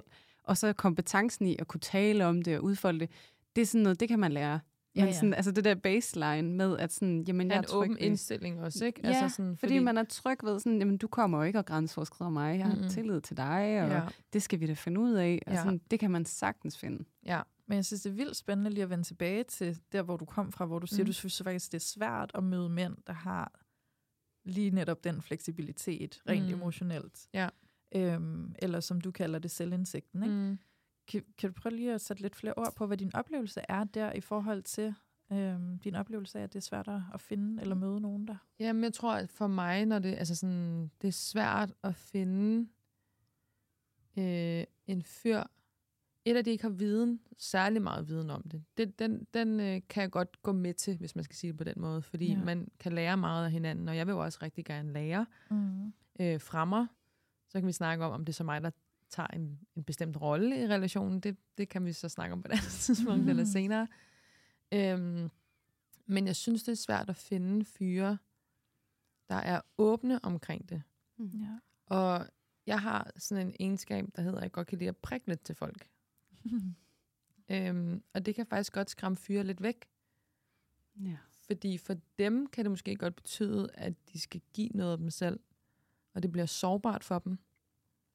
Øhm, og for mig, der handler det jo bare om, at jeg gerne vil lære mig at kende. Mm. mm. Sådan, hvorfor gør du, som du gør? Hvad stammer det fra? Altså sådan, yeah. Har du nogensinde tænkt over, hvorfor du reagerer sådan her? Ja. Øhm, og så er det jo også en naturlig respons at kunne føle, at det sådan, kan være øhm, intimiderende. Ja. Altså fordi, sådan, og nu kvæg også det der med, at mænd er opdraget til, som du er inde på, Louise. Ikke? Altså sådan, mm. du skal være stærk, og du skal være stolt, og du mm. skal og så sidder der en kvinde der, og sådan, har du tænkt over det? Sådan, ja. Og egentlig stiller spørgsmålstegn med sådan en helt ens person, hvor ja. er sådan, hvad laver du? Ja. Jamen, Går jeg, jeg er bare sådan her, så ja. er jeg bare blevet sådan, ja, men hvorfor er du blevet sådan ja. der? Ja, men det der med i virkeligheden også at kunne se, det er jo super legit at stille de spørgsmål, og egentlig rigtig vigtigt, synes jeg. Men lige så vigtigt at være opmærksom på, hvordan er det for dig, at jeg spørger dig? Mm. Altså, hvad sætter ja. det i gang, når jeg spørger dig om det her? Jeg lægger mærke til, at du bliver lidt stille, eller ja. kan du prøve at hjælpe mig her til at forstå, ja hvordan er det lige? Ja, og jeg, jeg prøver jo også at være sådan, altså sådan, gør det meget tydeligt. Jeg prøver ja. ikke at angribe dig, jeg vil bare gerne lære dig at kende. Ja. Også fordi, hvis der er nogle ting, han gør eller siger, som der jo højst sandsynligt er en grund til, så har jeg jo ikke lyst til at trick det. Nej. Og jeg ved jo ikke, om der er noget, jeg gør eller siger, som trigger det, så jeg er jo nødt til at vide mm. det her. Lige så vel som jeg har en følelse af til, at, at, at være til besvær, Ja. Det er jo også noget, jeg er nødt til at åbne op omkring og sige, det er det her, jeg deler med. Så hvis ikke du synes, jeg tager nok initiativ, eller giver komplimenter nok, eller nok omkring dig, så er det fordi, at jeg føler mig til besvær. Ja. Det er ikke fordi, jeg ikke vil, men igen, for at lære mig at kende, så er jeg også mm. nødt til at mm. åbne op omkring den del, og hvad det stammer fra i forhold til mine forældre, og ja, det giver mening. tidligere kærester og skoleophold ja. og sådan noget, ikke? Mm. Ja, så har jeg lyst til at sige, sådan, at vi behøver jo heller ikke at være bange for at aktivere de der trigger. Mm-hmm. Mm-hmm men vi kan være opmærksom på, hvordan vi rummer dem, når de mm. dukker op. Mm. Fordi ofte så er det jo faktisk rigtig godt for os mm. at blive trigget, og det kan være, at det trigger nogen at høre mig sige det, ja. fordi det kan være rigtig, rigtig hårdt og svært mm. at stå i en trigger. Det kan mm. være så sårbart, ja. og det kan bringe så dyb konflikt med sig, mm. øhm, som kan være virkelig svært at finde ud af igen. Men men det er jo faktisk ret essentielt, at de der trigger kommer frem. Mm. Fordi de er jo nødt til at komme frem i lyset, for at vi Mm. rent faktisk kan behandle dem. Mm. Og det er der, vi bliver connected med hinanden. Ja, Det er, når vi er trigget. mm. ja. Hvor mange gange, altså sådan, at det kan blive sådan, vi prøver hele tiden at undgå dem. Også Ja. i rigtig mange parforhold, så kommer vi ud sådan, de-root, sådan, jeg har det her med mig, så please lad være med at gøre det der. For så trigger du det. Eller nu er der en, der har været utro måske, sådan, Mm. jeg skal have lov til dit, dut og dat, og du må aldrig gå i byen, og du skal skrive til mig mindst 10 gange om aftenen, hvis det er, at du skal det. Og vi sætter alle de her begrænsninger op for hinanden, for at undgå at blive trigget. Ja. Mm. Men i virkeligheden, der hvor vi møder mennesket ægte, det er når de er trigget, for der er ingen filter på. Mm. Og det er derfor, jeg synes, det er vildt spændende, Silje. Jeg håber, det er okay, vi ja. tager den op, mm. fordi Mm. at sidde på en date og stille en masse spørgsmål og prikke lidt, og du kan se, der sker noget. Mm. Så han bliver trigget. Mm. Bare det, du stiller spørgsmål, han er trigget lige nu, det er din oplagte mulighed for at lære ham bedre at kende. Ja. Og sige, hvad sker der lige nu her, Ja. når jeg spørger dig om det Ja. her. Jeg kan mærke, at jeg bliver helt nervøs. Eller Mm. Sådan... Overvældet. Ja, og sige sådan, okay, så det kunne føles næsten sådan helt som at sidde til en eksamen. Ja, faktisk. Ja. Wow, Og det, er jo det må fedt, også være skræmmende. Hvis han reagerer sådan, som du illustrerer her, Ja. så ved du, at han har øh, åbenhed og fleksibilitet Mm. Præcis. for at rumme det. Ja. Hvis han nu reagerede anderledes, hvilket han også kunne have gjort, og været sådan, Mm. der er ikke noget, det gider jeg ikke snakke om. Det, Ja. Hvorfor spørger du overhovedet? Eller sådan, bare stille sådan dine sådan- spørgsmål. Mm. Ja, altså bliver sådan, øh, går i modstand, eller sådan Ja. ja. defensiv, ikke? Så ved man også, okay, Mm. altså sådan, der er ikke rum for, at vi kan snakke om det her. Der er du ikke. Så kan man jo så selv vælge, har lyst til at gå ind i det, og virkelig Mm. knokle for det, og, Mm. og, og håbe på, at vi kan komme derhen, hvor ja. Der kan komme Mm. åbenhed omkring det. Det kan jo godt ske, altså, det, jeg vil lige hilse at sige, mig og min kæreste, da vi startede med at være sammen, der havde han overhovedet ikke særlig meget lyst til at gå ind i sådan nogle ting. Mm. Og det er en helt anden sag i dag. Det har så også krævet en kamp, ikke? Øh, og en masse arbejde. Men, men så kan man jo tage det valg og sige sådan, Mm. har jeg lyst til at gå ind i... Altså, at, at er der nok følelse her til, at det er noget, jeg har lyst til at gå ind og virkelig kæmpe Ja. og arbejde rigtig hårdt for? Ja. Eller har jeg lyst til at sige sådan, mm, du er lige defensiv nok til mit temperament. Præcis. Jeg tror, jeg går hen et andet sted og, Ja. og møder et menneske, der er mere åben fra start af. Ja. Ja, Ja. det er det. Så Ja. det er det der med at få lukket lidt op for hinanden. Ja. Og det er jo spændende det der med, sådan, når, lige når du, jeg stiller alle de her spørgsmål, jeg lægger mærke til, at du bliver stille. Mm. Mm. Prøv lige at hjælpe mig, hvad sker der? Ja. Jeg synes bare, det er vildt intimiderende. Her sidder vi på første date, og jeg føler mig Mm. totalt udspurgt og sådan noget. Ej, det kan jeg da virkelig godt følge. Det kan være skræmmende. Ja. Ja. Prøv lige at hjælpe mig til at, for at vide, hvad der sker. Vil Ja. du sige lidt mere om det, ikke? ja. Fordi, så, også fordi, at den, man så sidder overfor, føler sig set. Mm. Det bliver mere trygt, og så lukker de helt naturligt mere op. Mm. Ja. Ja. Det er nogle fede møder. Jeg synes, altså sådan, jeg har haft møder med mennesker, og ikke bare sådan i, i kærlighedsregi men også bare ellers. Men det der med, når man møder nogle mennesker, hvor man meget hurtigt bare kan gå sådan ret tæt ind på kernen, Ja. Det, det synes jeg er så fedt. Altså, Ja. ja. Det er faktisk en god... Øh, det er fedt, du tager det op, Silje, for jeg tænker også for alle, der lytter med, ikke? Sådan, det kan være sådan en god øh, test. Mm. Har jeg lyst til at sige bedre? Ja. I mange på bedre, ikke? Men sådan, hvis jeg lægger mærke til, at der er en reaktion, og jeg spørger, hvordan har du det lige nu og her? Mm. Og enten bliver der helt lukket, eller så kan det være, at der faktisk bliver sat ord på, at jeg er nervøs, mm. eller Mm. det her sker inde i mig. Sådan, der har du en god indikator på, hvad er det, jeg sidder overfor. Ja. Ja. Han er ikke helt lukket. Nej, det er det. Ja. Det er egentlig meget retvisende. Og jeg tror, der er mange af os kvinder, nu generaliserer lige lidt, men at vi vil gerne have en mand, der er åben. Mm. Ja. Ja, som er villig til at vise noget sårbarhed. Sådan, Ja. ja. Jeg bliver nervøs, når du stiller de her Ja. spørgsmål. Tak, fordi du siger det. Ja. Det kan jeg godt forstå. Mm. Ja.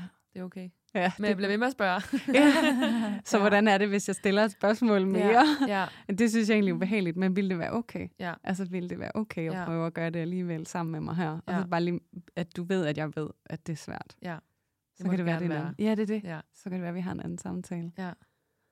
Ja. Wow, det var lige dating. Ja. Ja, det var et Ja. sidespor. Men det var da vildt spændende. Jeg kan ikke engang huske, hvor det udsprang fra. jeg sidder sådan helt med følelsen af, om vi fik afbrudt et eller andet, du ja, gerne ville ja, fortælle. Jeg kan heller ikke huske, hvor vi kom fra. Nej, men Nej. du talte i hvert fald om det her med, at du datede. Øhm, og at noget af det, du oplevede nu, kunne være, at du havde den her tendens til at prikke lidt til folk, når mm. du sidder over for dem, fordi at du også har de her erfaringer med. Mm. Øhm, at rette mig, hvis jeg tager fejl. Ikke? Nu Mhm. prøver jeg sådan at recap. Mm. Øhm, men det her med, at du har de her erfaringer med dig, så du sådan på andre måder, end du har gjort før, prøver Mm. mm. sådan at afstemme relationen til den, du sidder overfor Ja. meget tidligere, mm. Mm. og sådan mere, øh, hvad hedder det, bevidst, Mm. end du har gjort før. Ja. Ja. Og hvordan virker det for dig? Mm. Ikke super godt, tror jeg. Eller både og. Ja. Fordi jeg tror, at... Det kan jeg godt sige her. Øh, jeg ser lidt en nu. Og øhm, jeg kan godt... Jeg tror også, grund til at spørge så meget ind til dem, Mm. Det er også fordi, så fjerner det et fokus fra mig selv. Oh. Kender. så er det sådan, fordi jeg vil gerne lytte jo, jeg vil gerne lære ham at kende. Mm. Så jeg tror, jeg er meget sådan, "Nå, men så lad os snakke om dig, fordi så slipper vi for at snakke om mig, og jeg vil jo gerne igen lære ham at kende. Ja. Øhm, og så ham, jeg ser nu, han kan rigtig godt lide at fortælle. Ja. Rigtig godt lide at fortælle. Og bruger meget kroppen og ansigtet. Og synes, han synes, det er mega fedt at fortælle om alt og ingenting. Så jeg, jeg lytter jo bare, fordi det kan jeg godt lide. Ja. Ja. Øh, det er en win-win for mig. Jeg lærer ham at kende, og jeg skal give noget af mig selv, og det er helt perfekt. øhm, og jeg tror, han er sådan meget mand på nogle punkter, så tror jeg ikke... Øh, han, han prikker ikke lige så meget til mig, som jeg prikker til ham, for jeg tror bare, han er sådan et, ja, hvis hun vil sige noget, så gør hun det vel agtigt. Ja, Mm. Han er meget go with the flow. ja helt Ja. vildt. Øhm, så, og tilbage til det der med at føle sig til besvær, ikke? Sådan, Er det derfor, du gerne vil have, at der ikke er fokus på dig? Ja. Fordi så, så, skal der ikke, så skal du ikke være i risiko for at fylde et eller andet, der Ja. ja. måske kunne være til besvær. ja. Okay. Så han er jo, jeg tror, det er jo ubevidst, ikke? Jeg tror, mm. han tænker sådan, at hun siger vel noget, hvis hun har brug for det. Men det gør jeg ikke, fordi jeg har ikke brug for det. Mhm. Øh, fordi så kan jeg jo være til besvær. Og hvad nu, hvis han ikke lige gider at høre om det, jeg gerne vil fortælle? Og Ja. hvad nu, så er han i gang med at lave noget andet? Og alt muligt, ikke? Mm. Mm. Øhm, så lader jeg bare være. Ej, det kunne være sjovt at sådan nærmest lave sådan en lille eksperiment, hvor at du måske sådan gav dig selv til opgave, at når du ser ham næste gang, altså i løbet af den tid, I er sammen, så skal du minimum én gang sådan bringe noget på banen, der er dit. Mm. Og så sige, det, jeg vil gerne dele noget, det er vigtigt for mig. Ja. Mm. Ja. Uh. Jeg gør det næste gang. Jeg gør det næste Ej, gang. Silje, jeg vil bare lige også skynde mig at sige, det er så genkendeligt, det du beskriver. Ja. ja. Jeg har en kæreste, der lyder præcis som ham, du dater. og, øh, og når at, at, at jeg er hos min svigerfamilie, så er det gået op for mig, at de er alle sammen sådan. Ja, fedt. altså, hvor man bare skiftevis monolog, ikke? Ja. Øhm, så, og det er jo nogle vidunderlige mennesker. Og så Ja. til gengæld, at, så, er det jo, så er det jo også et spejl for mig. Sådan, jeg har også brug for at lære, at jeg skal tage min plads, mm. i stedet for at sidde og vente på at få den tildelt. Ja. Fordi så ender jeg med at blive bitter over tid, over at jeg ikke har fået den endnu. Ja, ja. Og jeg giver så meget plads, men hvor er min henne? ja. Og man vil jo gerne have plads. Man vil jo gerne Præcis. Men det er bare så, at man er sådan, når man, jeg sidder bare her passiv. Så Ja, det er det. kan den kommer. Ja, men det, ja, det, og det er virkelig, det, det er faktisk, det også bare lige anerkende alle derude, der kan genkende det, vi Ja. taler om lige nu. Det er faktisk svært at lære, fordi at Ja. man netop jo har overlevet ved, mm. at hele tiden at være ikke til besvær. Jeg er Mm. ubesværlig. Jeg løber med. Jeg gør det, der er forventet af mig. Jeg gør Mm. det, der er brug for. Men så til gengæld, så er det også vækket så mange indestængte følelser, Mm. som så kan komme ud som vrede, eller Ja. forbidrelse, i- hvor man vender det ind eller Ja. hvad det må gøre. Ikke? Så det der med at lære sig selv at tage sin plads, Ja. er virkelig vigtigt. Men jeg er faktisk også svært. dårlig til det, når, når, den, når han faktisk prøver at tildele mig den her plads. Ja. Øhm, jeg havde for nogle uger siden en sindssygt dårlig dag. Øh, og vi øh, skriver sammen, og jeg skriver bare til ham sådan, prøv at, min, jeg har en elendig dag. Altså sådan, jeg kan ikke fake den i dag. Mm. Altså, Mm-hmm. Øhm, og det havde ikke noget med ham at gøre, men den var bare lort. Og han var sådan, Nå, men det var han virkelig ked af at høre, og hvis jeg havde brug for at snakke om det, så måtte jeg altså hellere gerne læse af. Han ville rigtig gerne. Der var altid øh, et sted at læse af her. Og der er jeg jo bare sådan, Nej, nej. tak, hvor du sød, men jeg har styr på det. Ja. Ja. Jeg ringer til min mor og brækker Ja, mig. ja. Ja. I stedet for ligesom bare at læse af der og være sådan, okay, nu tildeler han mig faktisk den her plads. Ja. Hvorfor er det, at jeg så ikke tager den? ja. Fordi Ja. det vil jo også give en mulighed for os at blive tættere. ja. Fordi han måske vil vide lidt, hvad jeg går sådan og dealer med, og Men Igen, det er jo ikke også fordi noget, han skulle- øve dig på, ja, ikke? ikke fordi han skulle fikse til det, vel, men det. ja, ja, præcis. Ja. Så Og det, det er der også, med sådan, det giver mening, at når der er noget, vi har svært ved sådan at gøre, når vi så bliver det tilbudt helt gratis, så kan det helt ironisk være noget, vi sætter modstand på, ikke? Ja, fordi jeg er sådan, hvor skal jeg betale hende for det ja, her? præcis. Nej, nej, nej, nej. men også når man så sidder i det, så kan man blive hyperopmærksom på, hører du efter? Ja. Og hvordan responderer du på det, jeg siger? Sådan, hvad er din, hvordan kommenterer du? Lytter du? Prøver du at fikse det? Ja. Så bliver Skræmmer man... jeg dig væk nu? Ja, så der, der går så mange ting i gang, og det er jo det, alt det ubehag ved Ja. ja. at tage den plads, man har for alt i verden har undgået Ja. at tage. Ja. Og så er det Du skal konfrontere dig selv med alt det ubehag Ja. ja. på én gang. Og det er jo også det at rumme den del af sig selv, og rumme Mm. det barn. Ja. Det der barn, det er ved at rive håret ud på sig selv, fordi nu går det helt galt. Ja. For det er det her, vi lavet være med at gøre, for mm. så klarede vi den, nu gør du det alligevel. Ja. Ja. Så bare totalt opmærksom på alt, der kan gå galt. Ikke? ja. Jeg har lyst til bare lige at sige noget, fordi nu har du snakket om at betale ved kasse 1, Mm. når du offrer dig selv, ikke? Mm. Men at investere i dig selv, Mm. giver jo betaling ved kasse Ja. 1. Så det der med, sådan, som du sidder og beskriver, Julia, alt det ubehag, okay, men hvis jeg investerer i at mærke det, Mm. men alligevel at være i det, mm. Og rent faktisk gå derhen, Mm. så får jeg altså også udbetaling ved kasse 1. Ja. Mm. Så Ja. det, det er det samme, mm. det, altså, men omvendt, ikke? Men altså, også fordi det er den eneste måde, vi ændrer øh, Ja. uhensigtsmæssig adfærd på. Ja. Det er ved at få nye erfaringer. Ja. Så vi skal faktisk presse os selv ud i det Og ubehag. det skal man. Altså virkelig. Og Men det, det er svært. det ved jeg jo godt, fordi det er jo Ja. det, sådan hele min rejse har handlet om. Mm. ja. Og det er også ting i øjnene, jeg synes har været mega nederen og mega svært. Ja. Men så mangler lige det sidste her, men jeg føler virkelig også, at, øh, og det er det, der er så åndssvagt, for jeg ved godt nu, at jeg sådan har mega svært ved det. Men jeg ved godt, når jeg så får det gjort og står på den anden side, så kan jeg jo godt stå, stå der og være sådan, var det bare det? Ja. Ja, ja. Altså Ja. sådan, Sådan, puh, det gik. ja, ja.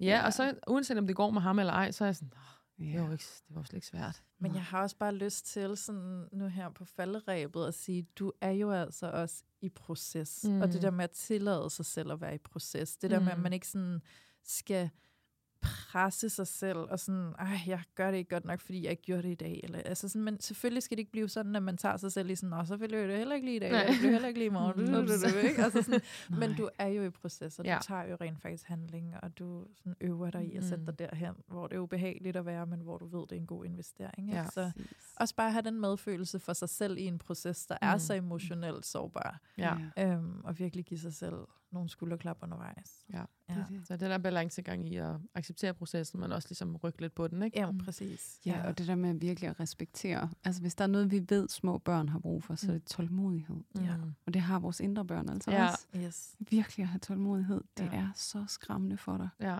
Det kan jeg så godt forstå. Mm. Vi, vi, vi bliver bare lige her lidt. Ja. Ja. Prøv, at vi er bare lige her lige Ja. lidt.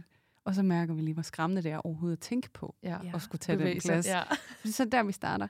Ja, Altså, det er de der baby steps, der faktisk er ret Ja, værdifulde. det Mm. intrapsykiske arbejde, Ja. vi kan gøre, inden vi går ud i det relationelle Ja. og arbejder herude. Ja. Det er så i orden. Mm. Og igen, genkendeligt. Ja. Jeg gør det selv. Ja. Ja, ja. Jeg synes også, det her kan være svært. Så også bare for at spejle og så Mm. sige, det er bare virkelig en proces. Ja, Ja. og det er det bare. ja. Og nogle gange er de der baby steps meget mere værd end de der helt store spring. Fordi netop det der med, hvis det er sårbart emotionelt, så kan det være enormt værdifuldt, at mit Mm. baby steps, øh, det er, at jeg bare lige mærker ubehaget, og jeg Mm. skulle lige tage til tilløb til at gøre det der, som jeg ikke synes er rart. Jeg gjorde det måske ikke, eller så gjorde jeg det bare lidt, og så trak mm. jeg lidt i land. Ja. Det er et baby step i sig Ja. selv, men jeg har allerede rykket noget der. Mm. Det vil sige, øh, så føles det mere roligt for mig at gøre det igen, mm. og måske bare lige gå det ekstra lille baby steps længere næste gang Ja. end hvis jeg bare havde givet den fuld altså smadre, ja. og så faldt jeg hårdt. Ja. Ja. Fordi så skal jeg skulle lige ligge og restituere, før jeg tør gøre det igen, ikke? Ja. hvis jeg overhovedet tør gøre det igen. Så det der med sådan, de der baby steps kan altså virkelig være værdifulde Ja. over de der kæmpe, øh, hvor vi bare forser det og hjerner igennem. Ikke? Jo, jo. Og, altså, og Rom blev ikke bygget på en dag, Nej, vel? altså, nej, sådan, og der er jo ikke noget, jeg skal nå. Jeg har jo ikke en deadline på noget. Slet ikke. Det er det. Så øhm, Mm. Ja.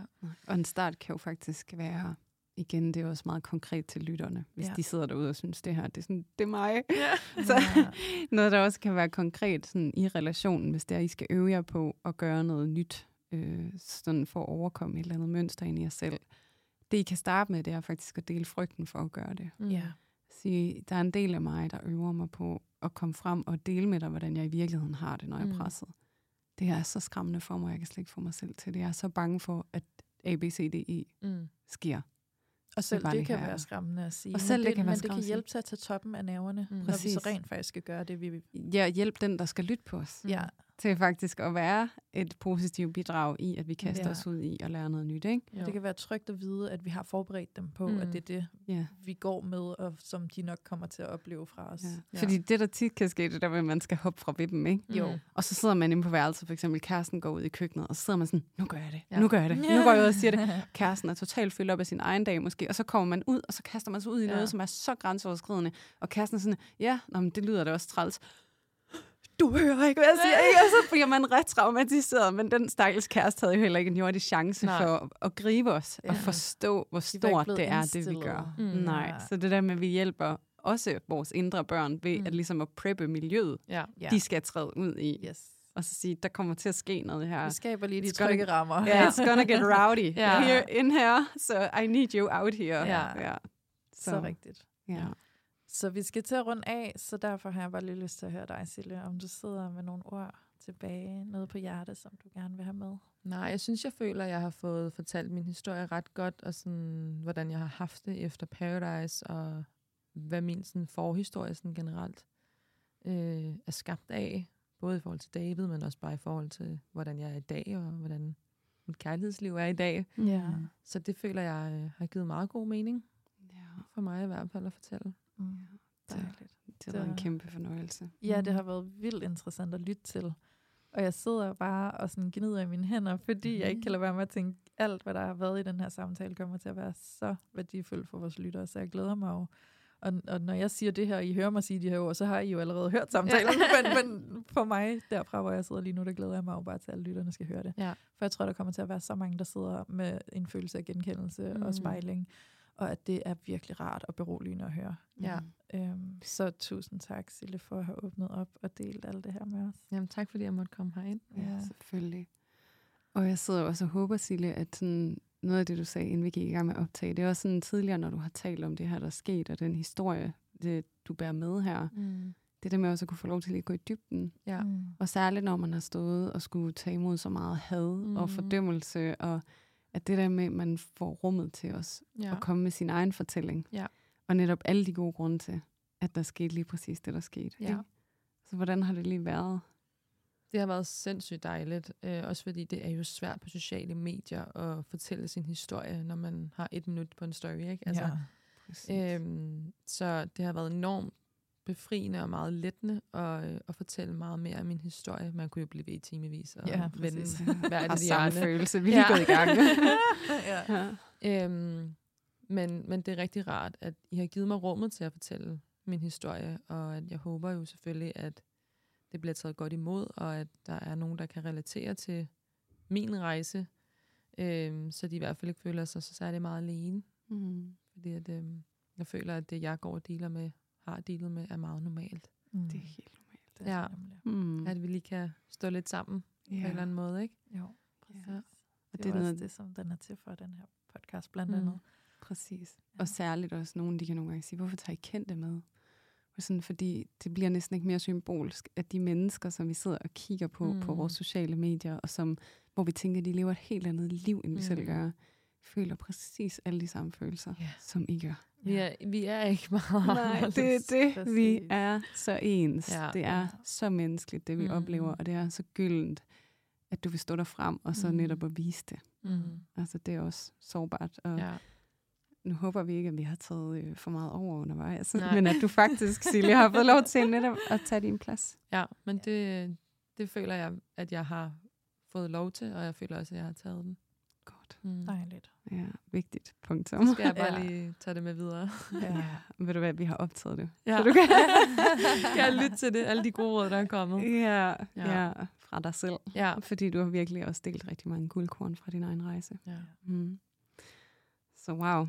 ja, Ja. helt vildt. Og jeg kan ikke lade være med at smile, da du sagde det, Julie. Det der med, om vi havde taget lidt over. Men jeg kunne godt mærke det også, men det er simpelthen, fordi jeg tror bare, vi alle sammen blev så opslugt. ja. Øhm, og så, ja, så bliver vi jo nok bare ivrige, ikke? Mm. Ja. Så, men, øh, men tusind tak, Sille, for at have været i vores rum, og øh, delt af dig selv, taget din plads, og givet os noget plads. ja, det har været øh, en kæmpe fornøjelse, så tusind tak. Det var så lidt. Mm. Og tak Ja. til dig, Julie. Ja, tak til dig, Louise. Selv tak. Og øh, en sidste reminder. Yes. Husk at trykke følg, hvis du ikke allerede har gjort det. Og giv os lidt stjerner, en thumbs up, something. Øhm, inden du siger farvel og tak for i dag. Men øhm, det vil jeg i hvert fald gøre nu. Så tusind tak til alle jer vidunderlige lyttere derude, der endnu en gang har været med til at tage filteret af parforholdet.